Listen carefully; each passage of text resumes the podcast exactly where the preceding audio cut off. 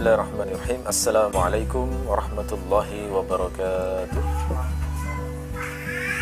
الحمد لله والصلاة والسلام على رسول الله سيدنا محمد ومن والاه لا حول ولا قوة إلا بالله ربنا زدنا علما وارزقنا فهما اللهم إنا نسألك أن لا نتعلم حرفا من علمك إلا ينفعنا المسلمين نفعا عميما وجهنا الصالحين المخلصين أما بعد Kita lanjutkan kembali kajian kitab Matan Abu Syuja. Sekarang kita membahas tentang topik asbabul hadas. Sebab-sebab hadas. Sebab bentuk jamak dari sababun. Bermakna sebab al-hadas ini sudah menjadi istilah. Jadi tidak perlu kita terjemahkan. Hadas di sini berarti mencakup hadas besar dan hadas kecil. Walladhi yanqudul wudu'a sittatu asya yang membatalkan wudu yanqudu dari kata naqadha maknanya adalah membatalkan. Yang membatalkan wudu sittatu asya ada enam perkara. ada enam hal, enam perkara asya. Satu ma kharaja minas sabilain sesuatu yang keluar dari dua jalan. Sesuatu yang keluar dari dua jalan. Sabilain bentuk musanna dari sabil. Sabil bermakna jalan. Berarti sabilain dua jalan. Ini adalah penggunaan bahasa secara majasi. Jadi yang maksud jalan di sini bukan sesuatu yang kita tapaki dengan kaki kita, bukan, tetapi makna majasi yakni kubul dan dubur. Karena uh, kemaluan dan uh, dubur manusia itu adalah jalan lewatnya kotoran. Ya.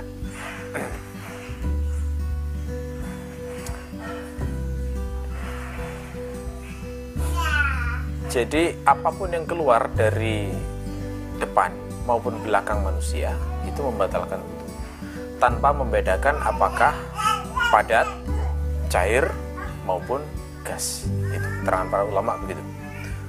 Padat, cair maupun gas semuanya membatalkan wudhu. Dasarnya adalah ayat dalam Al-Quran surat An-Nisa ayat 43. Allah berfirman, "Au jaa ahadum minkum minal ghaiti" atau salah seorang di antara kalian datang dari ghaid ghaid itu mana bahasanya adalah tempat rendah. Datang dari tempat rendah itu ini adalah kinayah untuk menunjukkan seseorang itu baru selesai buang air. Nah dalam ayat ini Allah memerintahkan ketika seseorang selesai buang air maka diperintahkan untuk bersuci.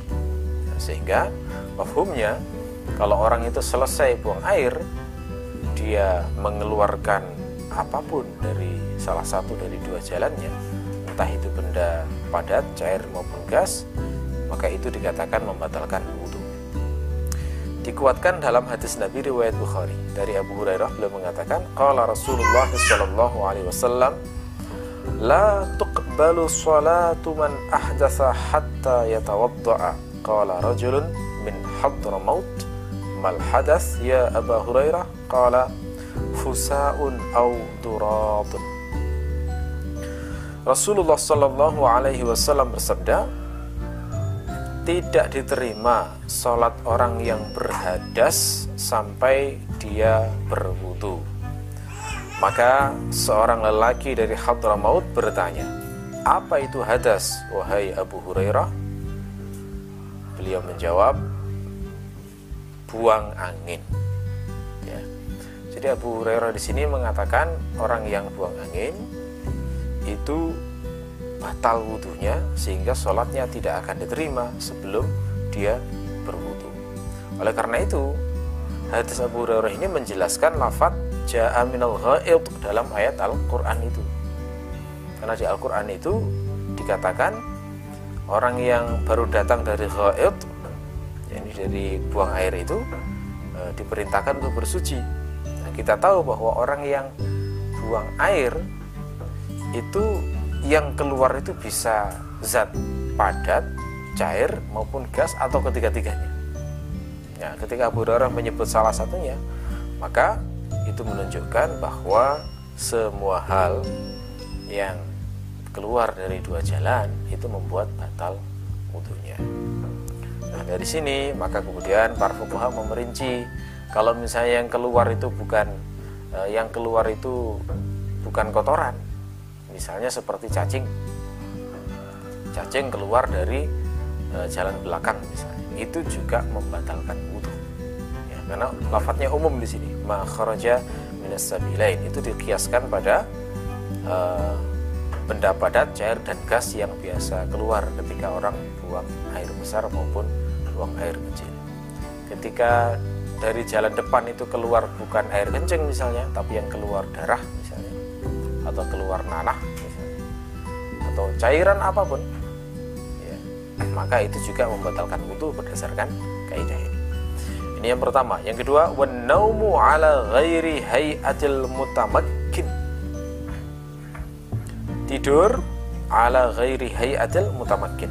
Hayah di sini bermakna uh, posisi tubuh, sikap tubuh atau posisi tubuh. Al mutamakkin itu maknanya orang yang kokoh, mana bahasanya? Mana bahasa al mutamakkin adalah orang yang kokoh. Maksudnya di sini dalam konteks pembahasan wudhu di sini adalah orang yang duduk ya. Orang yang duduk yang mana pantatnya itu menempel di bumi yang mana dengan posisi semacam itu tidak membuatnya jatuh. Gitu ya. Itu makna mutamakin jadi tidur ala uh, an-naum ala ghairi hayatil mutamakin itu maknanya adalah tidur uh, dalam posisi tidak dalam posisi orang yang kokoh gitu ya. Tidak dalam posisi orang yang yang stabil posisi tubuhnya.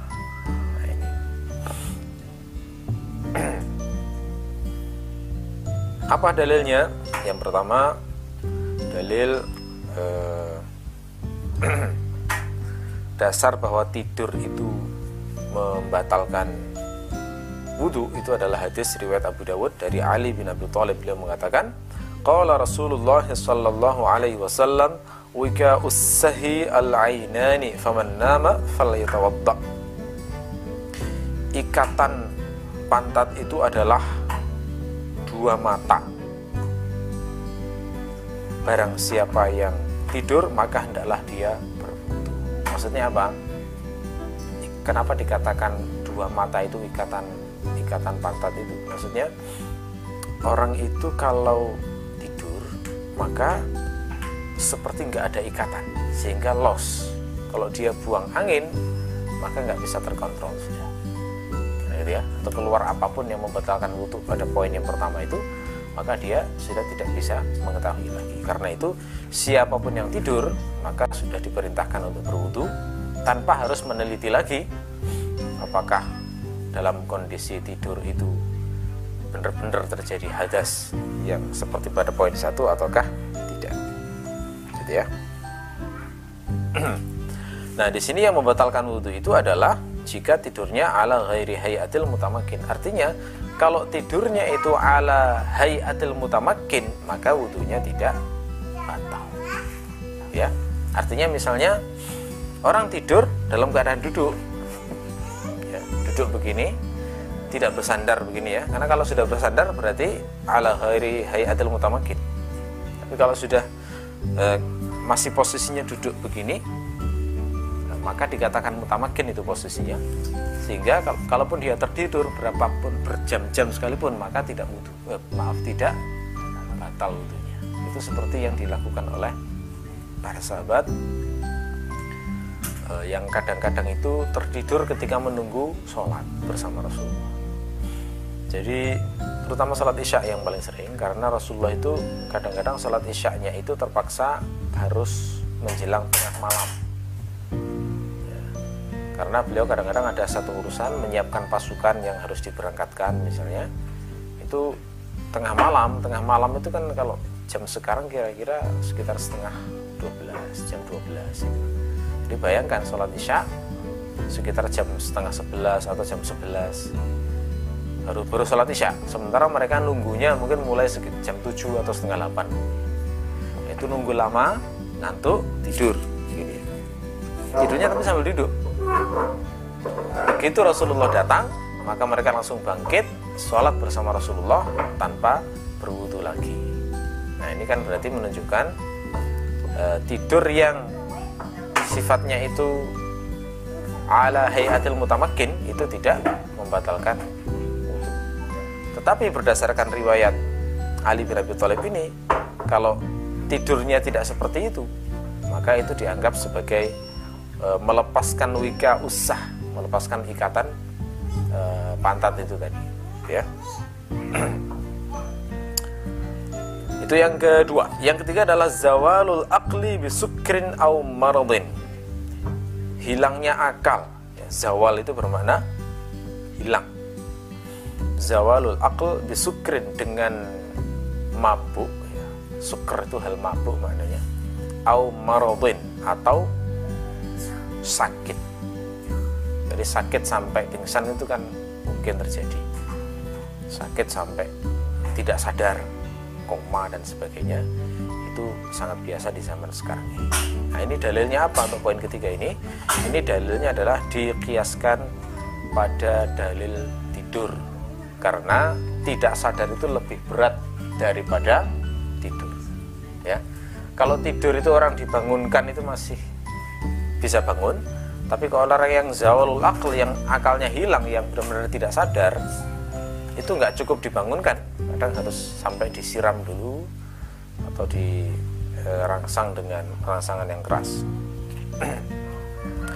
Kemudian poin yang keempat yang membatalkan wudhu juga adalah lamsur rajuli al mar'atal ajnabiyah min ghairi hailin.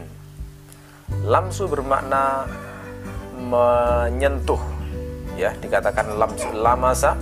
Itu maknanya menyentuh persentuhan kulit bertemunya kulit dengan kulit. Itulah masa jadi kalau menyentuh tapi ada penghalangnya maka tidak dikatakan lamasa. Di persentuhan laki-laki maupun perempuan tetapi pakai sarung tangan. Maka itu tidak dikatakan lamasa. Ya yang disebut di sini adalah lamasa lam surrojuli al mar'ah al ajnabiyah seorang lelaki menyentuh wanita asing. Ya, asing di sini maksudnya bukan beda ras bukan ya. Bukan beda negeri. Asing di sini maksudnya adalah selain mahram. Jadi menyentuh wanita yang selain mahram. Istri termasuk di sini karena istri itu kan bukan mahram. Ya makanya uh, dalam mazhab syafi'i lelaki menyentuh istrinya itu batal. Tetapi kalau lelaki menyentuh ibunya tidak batal. Karena yang disebut di sini adalah ajnabiyah ibu termasuk mahram maka tidak batal. Seorang lelaki menyentuh putrinya tidak batal. Karena putri adalah mahram. Menyentuh saudarinya juga tidak batal. Jadi semua mahram yang haram dinikahi itu termasuk ibu susu saudari sepersusuan nah, itu juga tidak batal yang dibatal di sini adalah almar atau ajnabiyah. Mencakup istri termasuk juga selain istri tetangga misalnya ya. min ghairi hailin tanpa hail penghalang. Hail itu maknanya penghalang. Penghalang apa pun di sini entah terbuat dari kain atau bahan selain kain yang penting menghalangi maka itu hukumnya membatalkan wudhu dalam madhab syafi'i. Dasarnya adalah ayat Al-Quran surat An-Nisa ayat 43 Allah berfirman Aula mastumun nisa atau kalian menyentuh para wanita. Ya. Terus dari mana uh, wanita-wanita yang termasuk mahram itu dipahami tidak membatalkan wudhu karena lafadznya kalau dalam surat An-Nisa di sini kan umum. Aula mastumun nisa. Nisa di situ umum sekali. Terus dari mana mahram itu dipahami? Ya, itu dipahami dari hadis yang lain. Ya ini riwayat bahwa Rasulullah itu pernah sholat sambil menggendong Umamah. Umamah itu cucunya Rasulullah. Baju perempuan. Nah, sehingga dari situ kemudian dipahami tidak membatalkan wudhu kalau menyentuhnya wanita yang mahram ya. Yang kelima wa masu farjil adami menyentuh kemaluan manusia. Di batinil kafi dengan bagian dalam tangan. Jadi menyentuh bagian dalam berarti ini ya. Ini berarti menimbulkan mafhum. Mafhumnya apa? Satu kalau yang disentuh kemaluan selain manusia berarti tidak batal wudhunya menyentuh kemaluan kambing menyentuh kemaluan sapi menyentuh kemaluan eh, apa ayam ya. Jadi binatang-binatang ternak itu kalau misalnya disentuh kemaluannya karena ada kepentingan tertentu tidak membatalkan wudhu berdasarkan mafhum pernyataan Abu Suja ini. Yang pertama, yang kedua, menyentuh dengan punggung tangan, punggung telapak tangan, maka tidak membatalkan. Jadi kalau nyentuhnya pakai ini, tidak masalah. Ya, saya belum bisa bayangkan keperluan menyentuh pakai ini apa kira-kira. Ya, yang jelas kalau yang dikatakan membatalkan itu adalah kalau dengan kafun bagian bautinil kafi bagian telapaknya ini bagian dalamnya sementara bagian luarnya itu tidak membatalkan apa dalil dari pernyataan ini? Dalilnya adalah hadis riwayat An-Nasai dari Busrah bin Sofwan ya. bahwasanya Nabi Shallallahu Alaihi Wasallam bersabda man massa dzakarahu fala yusalli hatta yatawadda. Barang siapa menyentuh kemaluannya maka jangan sholat sampai dia dalilnya bahwa menyentuh kemaluan itu e, membatalkan wudhu termasuk juga kemaluan orang lain bukan hanya kemaluannya sendiri. Menyentuh kemaluan orang lain itu juga berwudhu ini jangan dibayangkan usil nyentuh-nyentuh kemaluan orang bukan. Tapi ini maksudnya e, konteksnya kan bisa dipraktekkan untuk ibu yang menceboki anaknya itu kan menyentuh kemaluan orang lain misalnya ya atau dokter yang menceboki pasiennya. Nah itu kan bisa terjadi itu nah itu. Atau tetangga menolong menceboki uh, anak tetangganya. Nah, mungkin begitu. Nah itu juga membatalkan wudhu berdasarkan hadis riwayat An-Nasai dari Busrah bin Sofwan juga. Annaha sami'at Rasulullah sallallahu alaihi wasallam dzakara ma yutawaddau minhu faqala Rasulullah sallallahu alaihi wasallam wa yutawaddau min massi dzakar Busrah mendengar Rasulullah SAW menyebut sesuatu yang mengharuskan seseorang berwudu. Rasulullah bersabda, dan hendaklah berwudu karena menyentuh kemaluan. Kalau hadis-hadis ini menyebutnya kan zakar. Zakar itu kan kemaluan laki-laki. Apakah bermana kemaluan wanita itu tidak batal? Tidak, karena ada riwayat lain yang menegaskan kemaluan wanita itu juga batal wudhunya ya.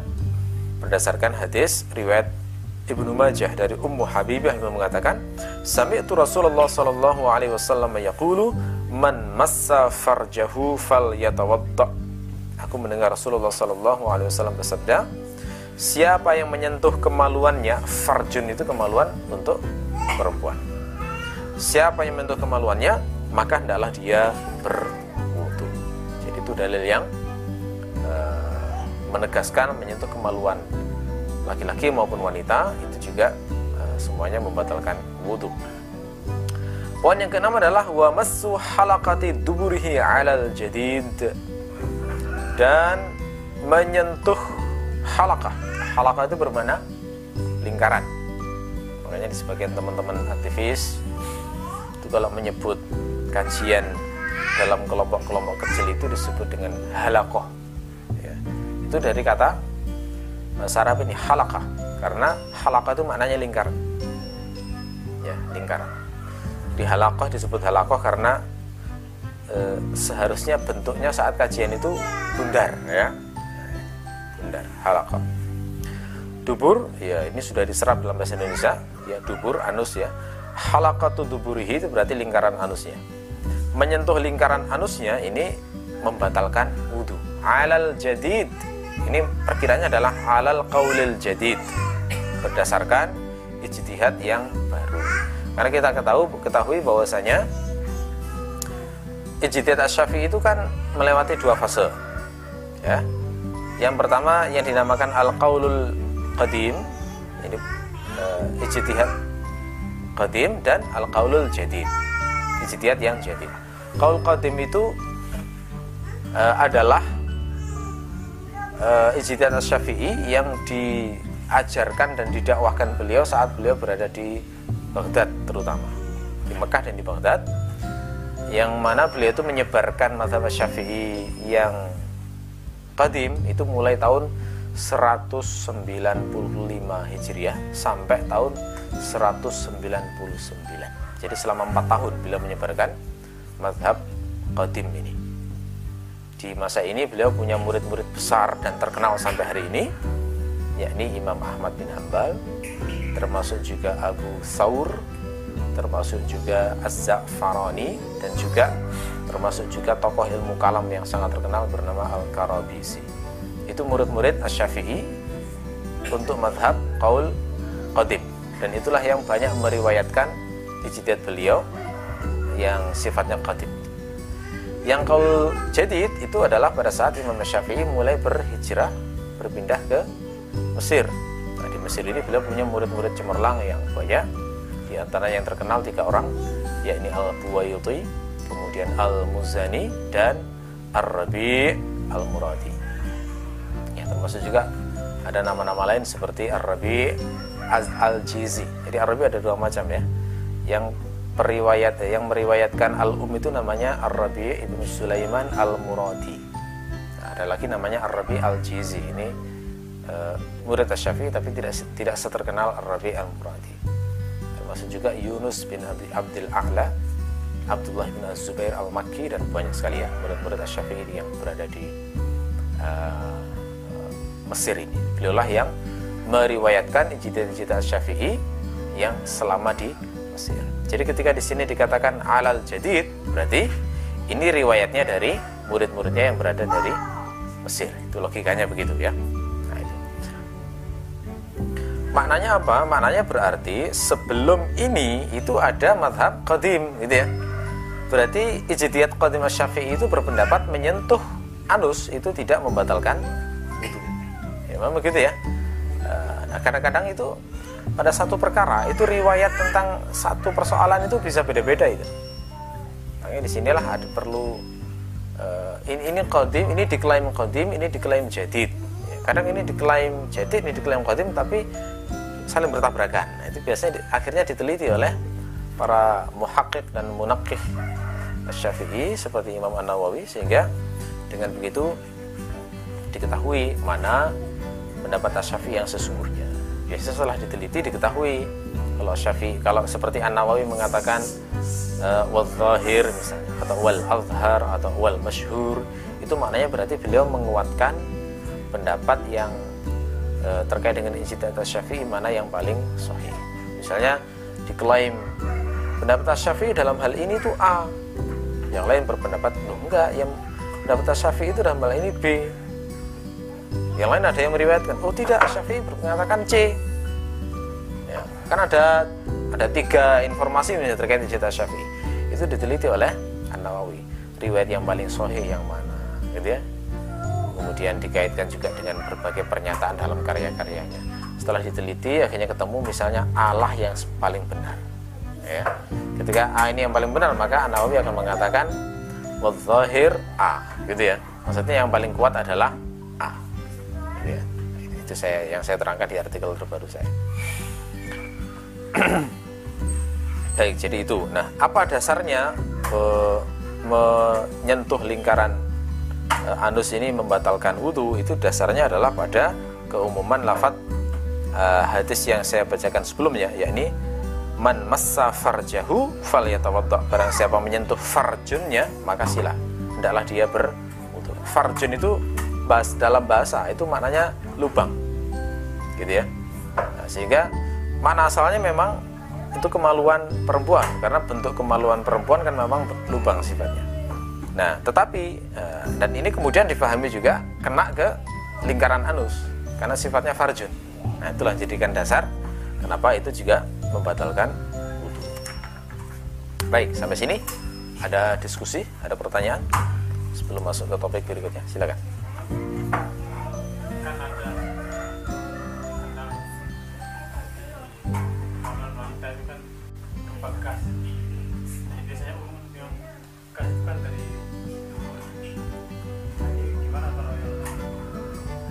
Apakah membatalkan wudhu maksudnya? Ya sama. Membatalkan wudhu juga. Ya membatalkan. Lafadznya makharaja minas sabila. Ini itu kan umum sekali. Ya jadi ya kena itu kena semua. Bahkan ini loh para fuka itu mengatakan dudun ya dudun e, cacing. Cacing keluar dari kemaluan cacing keluar dari anus misalnya. Itu aja membatalkan. Apalagi gas yang jelas sangat dekat dengan uh, apa kentut manusia ya. Nah, itu membatalkan itu. Kalau gasnya dari dari bukan kalau kayak keluar itu kan dari dalam. Ya bisa jadi meskipun asalnya dari luar dari dalam misalnya seseorang itu memasukkan benda ke dalam uh, duburnya misalnya kemudian dikeluarkan itu jadi batal juga itu berdasarkan keumuman ini itu memang penjelasannya begitu. Gitu ya jadi umum sifatnya tidak harus yang berasal dari dalam bisa dari luar kemudian misalnya keluar lagi bisa ya. Uh, kecuali misalnya begini uh, kasusnya adalah keluarnya itu hanya perasaan. Kok rasanya ada keluar ya gitu ya. Tapi dia nggak bisa membuktikan. Nah kalau itu was was jangan dipikirkan kalau semacam itu harus di tapi kalau memang jelas nyata ya termasuk juga dikecualikan kalau itu adalah semacam penyakit. Jadi semacam apa ya sering. Jadi e, kalau misalnya itu diperintahkan berwudu setiap keluar dari dari kemaluannya angin misalnya setelah keluar diperintahkan berwudu maka itu menimbulkan masyakoh betul ya. Maka semacam itu makfu akhirnya dimaafkan. Sama seperti orang yang terkena salas ya dalam bahasa dalam bahasa fuqaha itu. Yakni e, gampang keluar air kencing. Jadi tidak tidak pernah bisa mampet pet gitu tidak bisa ya. Itu dimaafkan. Hukum asalnya sebenarnya batal. Tetapi karena e, apa itu semacam penyakit ya maka itu dimaafkan sama seperti wanita yang istihadah. Harusnya batal setiap saat itu. Tapi kan istihadah kan selalu mengalir darahnya. Maka nggak mungkin itu disuruh wudhu setiap saat dan bisa nggak sholat sholat itu kalau e, setiap keluar istihadah disuruh wudhu nggak bisa. Makanya solusi dari Nabi adalah kalau, orang itu istihadah ya sudah berwudhu kemudian disumpal itu tempatnya kemudian di e, apa dikasih cawat sudah sholat berdasarkan dengan cara itu. Kalau setelah itu tetap keluar darah dimaafkan sudah. Gitu ya. Ada lagi?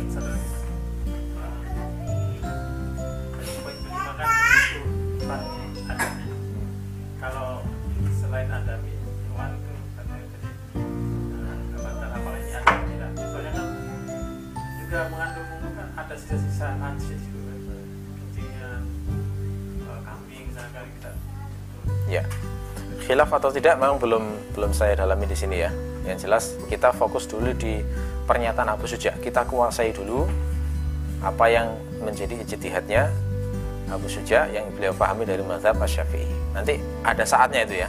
Kita akan mengkaji lebih dalam lagi. Kita akan akan mengulang lagi kajian ini dengan versi yang lebih dalam. Versi dalamnya nanti kita bahas tentang pendapat muktamad mazhab Syafi'i ikhtilaf internalnya mazhab Syafi'i bahkan juga ikhtilaf eksternalnya.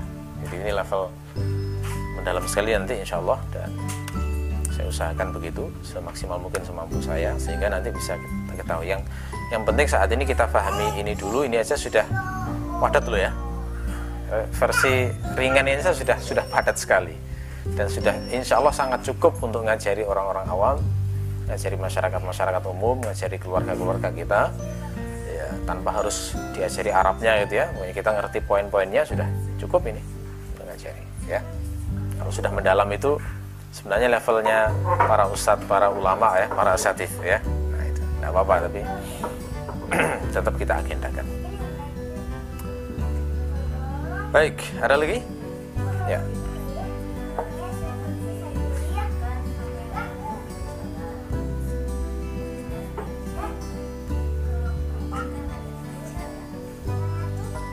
Ya.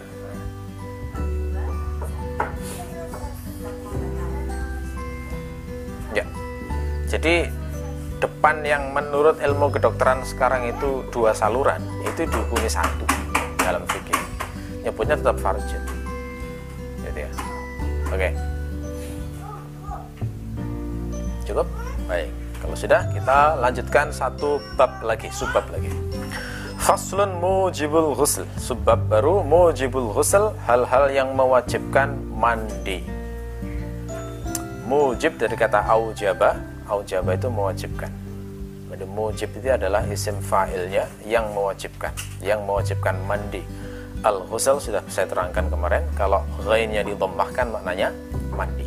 Kalau di fathah maknanya Hal membasuh.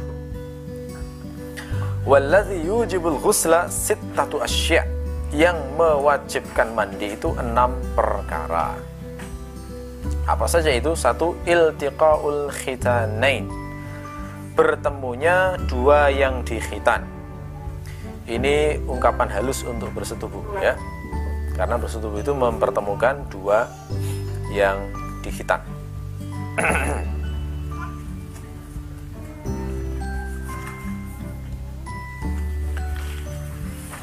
kinayah istilahnya ya. Kinayah dari jima dasarnya adalah hadis riwayat Al Bukhari dari Abu Hurairah ani Nabi sallallahu alaihi wasallam qala idza jalasa baina syu'abihal arba' thumma jahadaha faqad wajabal ghusl dari Nabi sallallahu alaihi wasallam jika seorang lelaki telah duduk di antara uh, dua cabang anggota tubuhnya yang empat kemudian membuatnya kepayahan maka sungguh mandi telah menjadi wajib ini ini kinayah lagi ya dalam bahasa. Ungkapan Rasulullah ini menyebut mulai lafat jalasa baina syu'abihal arba' thumma jahadaha. Ini ini kinayah jima ya. Karena uh, syu'ab pada lafat ini itu kan bentuk zaman dari syu'bah. Syu'bah itu cabang. Nabi menyebut cabang wanita empat itu maksudnya adalah tangan, tangan kanan kiri, kemudian kaki kanan dan kiri.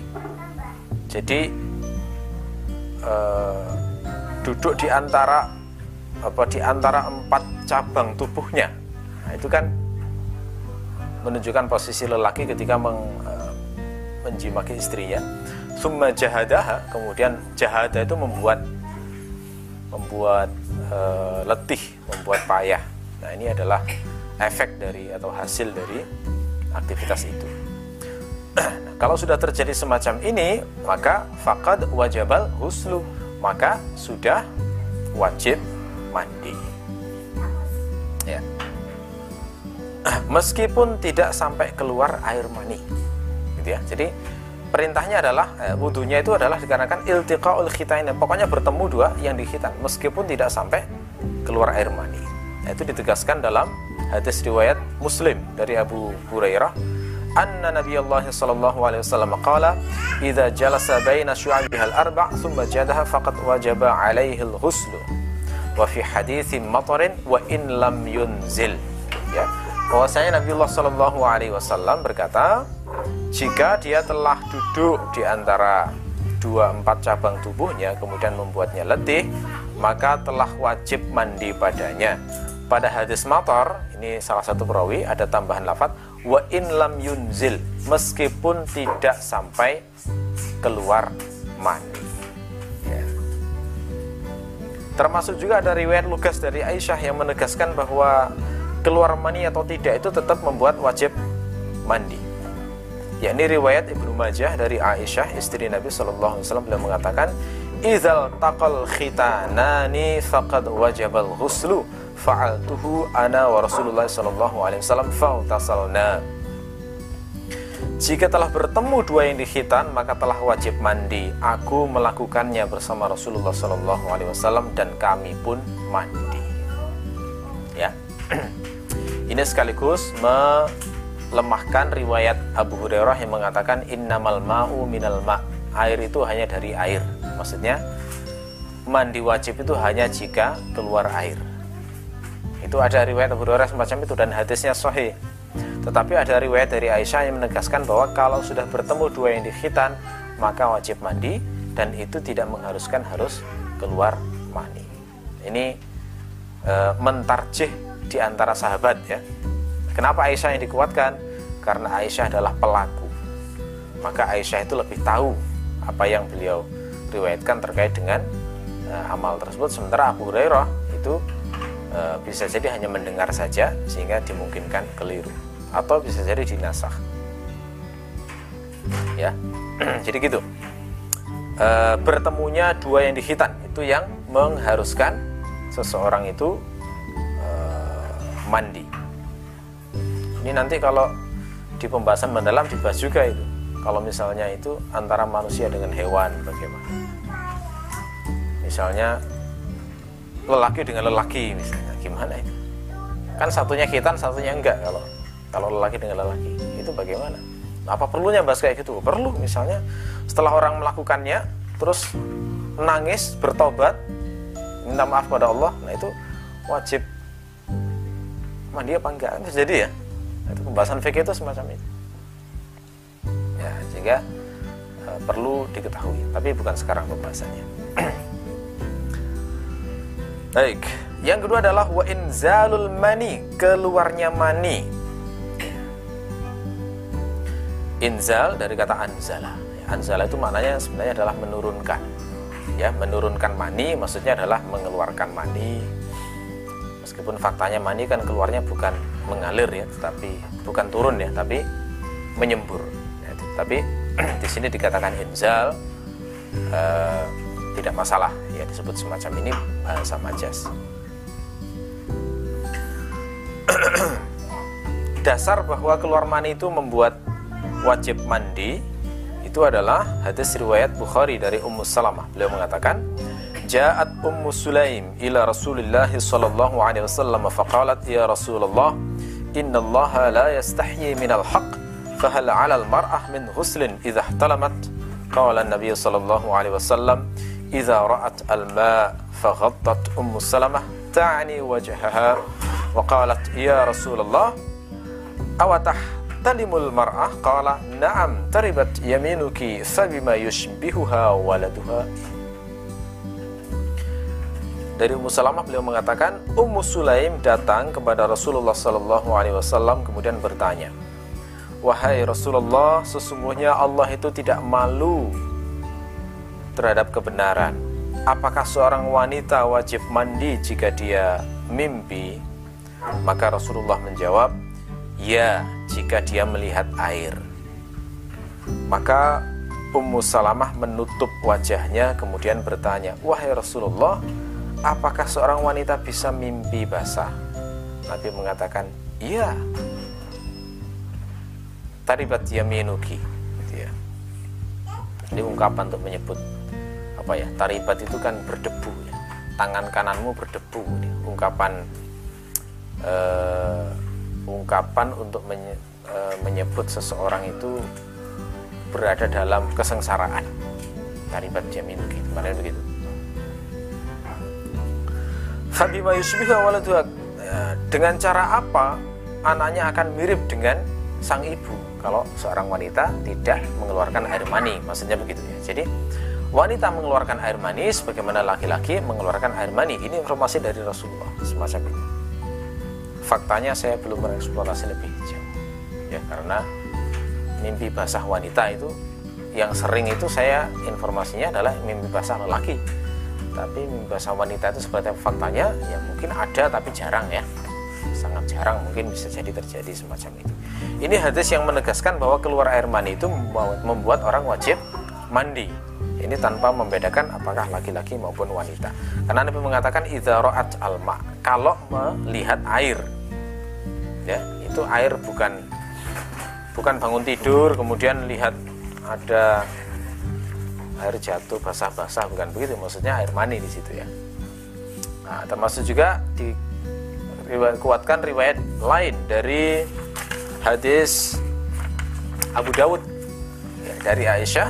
Beliau mengatakan Su'ila Rasulullah sallallahu alaihi wasallam 'anil rajuli yajidul balala wa la yadhkuru ihtilaman qala yaghtasil wa 'anil rajuli yara annahu qad ihtalama wa la yajidul balala qala la ghusla 'alaihi فقالت أم سليم المرأة ترى ذلك عليها غسل قال نعم إنما النساء شقائق الرجال Rasulullah ditanya tentang seorang lelaki yang mendapati basah-basah tapi dia tidak ingat apakah mimpi ataukah tidak. Nabi menjawab, mandi. Dan ditanya juga seorang lelaki yang merasa dia itu mimpi tapi tidak melihat basah-basah. Maka Nabi mengatakan tidak harus mandi bagi dia. Maka Ummu Sulaim bertanya, seorang wanita melihat semacam itu, apakah dia wajib mandi? Nabi mengatakan, iya, wanita itu adalah belahan lelaki. Ya, jadi ini menunjukkan menegaskan bahwa mengeluarkan air mani itu yang mengharuskan seseorang itu mandi. Ini nggak membedakan apakah diawali mimpi atau tidak. Karena fakta lelaki keluar air mani itu kan nggak harus mimpi. Kalau masih muda, masih e, remaja, masih baru mau balik, itu biasanya mimpinya memang karena apa keluar air maninya karena mimpi. Tapi ada lelaki yang keluar air mani itu dalam situasi tertentu bukan karena mimpi tapi karena capek. Capek sekali keluar mani itu bisa. Ya. Nah, karena itu benar-benar di sini lafadznya adalah inzalul mani. Karena kalau lafadznya adalah ihtilam yang bermakna mimpi maka itu memberi kesan bahwa keluar air mani tanpa mimpi itu uh, tidak mem, uh, tidak mengharuskan mandi padahal faktanya tidak demikian. Jadi keluar air mani baik karena mimpi ataupun di dalam kondisi sadar, maka itu semuanya mengharuskan mandi. Yang ketiga adalah wal mautu, ya, mati. Maksudnya orang mati itu wajib dimandikan. Yang mandi bukan orangnya yang mati itu sendiri, tetapi yang mandi adalah yang memandikan uh, orang yang masih hidup. Dasarnya adalah hadis riwayat Bukhari dari Ummu Atiyah. Beliau mengatakan, دخل علينا رسول الله صلى الله عليه وسلم حين توفيت ابنته فقال اغسلنها ثلاثا أو خمسا أو أكثر من ذلك. إن رأيتن ذلك بماء وسدر واجعلنا في الآخرة كافورا أو شيئا من كافور. فإذا فرغتن فآذنني. فلما فرغنا آذناه فأعطانا حقوه فقال ash'irnaha iyahu ta'ni izarahu. Dari Ummu Atiyah Al-Ansariyah beliau mengatakan Rasul masuk menemui kami pada saat putrinya meninggal. Lalu beliau mengatakan Mandikanlah dia tiga kali atau lima kali Atau lebih banyak dari itu jika kalian berpendapat perlu Dengan memakai air dan daun bidara dan jadikanlah pada mandi yang terakhirnya itu e, memakai kapur barus atau sedikit kapur barus. Kalau sudah selesai maka beritahu aku. Ya, jadi ini menunjukkan bahwa Rasulullah itu memerintahkan memandikan putrinya yang meninggal sehingga ini dijadikan dasar bahwa kematian itu mengharuskan mewajibkan mandi. Semua ulama juga sepakat bahwa memandikan itu termasuk fardu kifayah yang wajib dilakukan oleh seorang muslim sehingga memang hukumnya wajib. Termasuk juga hadis tentang orang yang berikhram dari Ibnu Abbas diriwayatkan Abu uh, diriwayatkan oleh Al Bukhari anna rajulan waqasahu ba'iruhu wa nahnu ma'a Nabi sallallahu alaihi wasallam wa huwa muhrim faqala Nabi sallallahu alaihi wasallam اغسلوه بماء وسدر وكفنوه في ثوبين ولا تمسوه طيبا ولا تخمر رأسه فإن الله يبعثه يوم القيامة ملبيا. Bahwasanya seorang lelaki itu dibuat patah lehernya oleh untanya. Jadi untanya bertingkah ya saat dinaiki begitu, kemudian dia jatuh dari untanya sampai lehernya patah. Sementara kami bersama Nabi Shallallahu Alaihi Wasallam dan dia dalam keadaan berikhrot. Maka Nabi Shallallahu Alaihi Wasallam bersabda, mandikanlah dia dengan air dan daun bidara dan kafanilah dia dengan dua baju dan janganlah kalian beri parfum dan jangan kalian tutup kepalanya karena Allah akan membangkitkannya dalam keadaan bertalbiyah. Nah, ini memang yang meninggal ini orangnya situasinya berikhram haji. Sementara orang berikhram itu kan dia itu tidak boleh pakai baju yang berjahit, dia juga tidak boleh menutup kepalanya. Orang ikhram itu nggak boleh pakai topi, nggak boleh. Juga tidak boleh pakai parfum. Sehingga ketika meninggal itu dikebumikan dalam keadaan begitu, dalam keadaan eh, apa tidak boleh pakai parfum, kepalanya nggak boleh ditutup. Padahal mayat kan seharusnya eh, di, di kafani itu kepalanya ditutup juga. Cuma saat dikebumikan nanti dilepas gitu ya. Nah ini menunjukkan menguatkan bahwa kematian itu mengharuskan orang itu dimandikan. Wasalasatun takhtassu bihan nisa'u dan tiga hal yang khusus bagi wanita. Maksudnya enam hal yang mewajibkan orang mandi itu ada tiga hal yang berlaku untuk laki-laki maupun wanita, tapi ada tiga hal yang khusus bagi wanita. Apa saja itu? Wahia al haidu satu haid. Jadi wanita yang haid maka kalau dia sudah suci maka diwajibkan untuk mandi. Dasarnya adalah Al-Qur'an surat Al-Baqarah ayat 222 Allah berfirman fa'tazilun nisaa fil mahid wa la taqrabuhunna hatta yatuhurna fa idza tatahharna fa'tuhunna min haitsu amarakumullah innallaha yuhibbut tawwabin wa mutatahhirin Jauhilah wanita dalam kondisi haid dan jangan dekati dia sampai mereka suci. Kalau mereka sudah bersuci, maka datangilah mereka dari tempat yang diperintahkan Allah, dari arah yang diperintahkan Allah kepada mereka. Diberitakan Allah sesungguhnya Allah mencintai orang-orang yang bertobat dan mencintai orang-orang yang mensucikan diri. Jadi dalam ayat ini itu diterangkan bahwa wanita itu boleh digauli ketika sudah selesai haid dan sudah tatahharna, sudah bersuci. Maka ini menunjukkan wanita wajib mandi ketika uh, selesai haid. Termasuk juga hadis riwayat Bukhari dari Aisyah, anna Fatimah binta Abi Hubaish kanat tustahadu fasa'alat an-nabiy sallallahu alaihi wasallam faqala dzalika irqun wa laysat bil haidah فإذا أقبلت الحيضة فدعي الصلاة وإذا أدبرت فاغتسلي وصلي bahwasanya Fatimah binti Abi Hubaish terkena istihadah maka dia bertanya kepada Nabi Shallallahu Alaihi Wasallam maka Nabi menjawab itu adalah urat maksudnya darahnya keluar bukan karena uh, peluruhan uh, apa peluruhan pada dinding rahim, tetapi karena urat yang ada pada tubuhnya yang yang tidak normal itu membuat mengeluarkan darah itu. Bukan haid kata Nabi. Kalau haid itu datang, maka tinggalkan sholat. Kalau sudah pergi, maka mandilah dan sholatnya. Sholatlah. Nah ini lafadznya yang perlu digarisbawahi adalah fautasili. Fautasili wasolli. Mandilah dan sholatlah. Ini karena ada itu, mandilah, ada perintah mandilah, maka uh, menunjukkan bahwa haid itu mengharuskan seorang wanita mandi. Wan nifas dan nifas. Nifas yakni darah yang keluar karena e, melahirkan. Sebagian ulama berpendapat darah nifas itu adalah darah yang keluar setelah melahirkan. Itu beda loh konsekuensinya ya. Kalau pendapatnya adalah setelah melahirkan berarti yang dihitung nifas itu hanyalah kalau sudah keluar an, keluar anak itu. Tapi kalau karena melahirkan maka darah yang keluar sehari dua hari sebelum melahirkan itu sudah dihitung nifas. Itu ada ikhtilaf memang. Kenapa nifas itu juga mengharuskan mandi? Karena nifas itu sesungguhnya adalah haid yang mengumpul kata para ulama. Ya, jadi saat hamil kan wanita tidak haid, maka ketika nifas dia keluar darah sampai 40 hari di madhab syafi'i sampai 60 hari maksimal.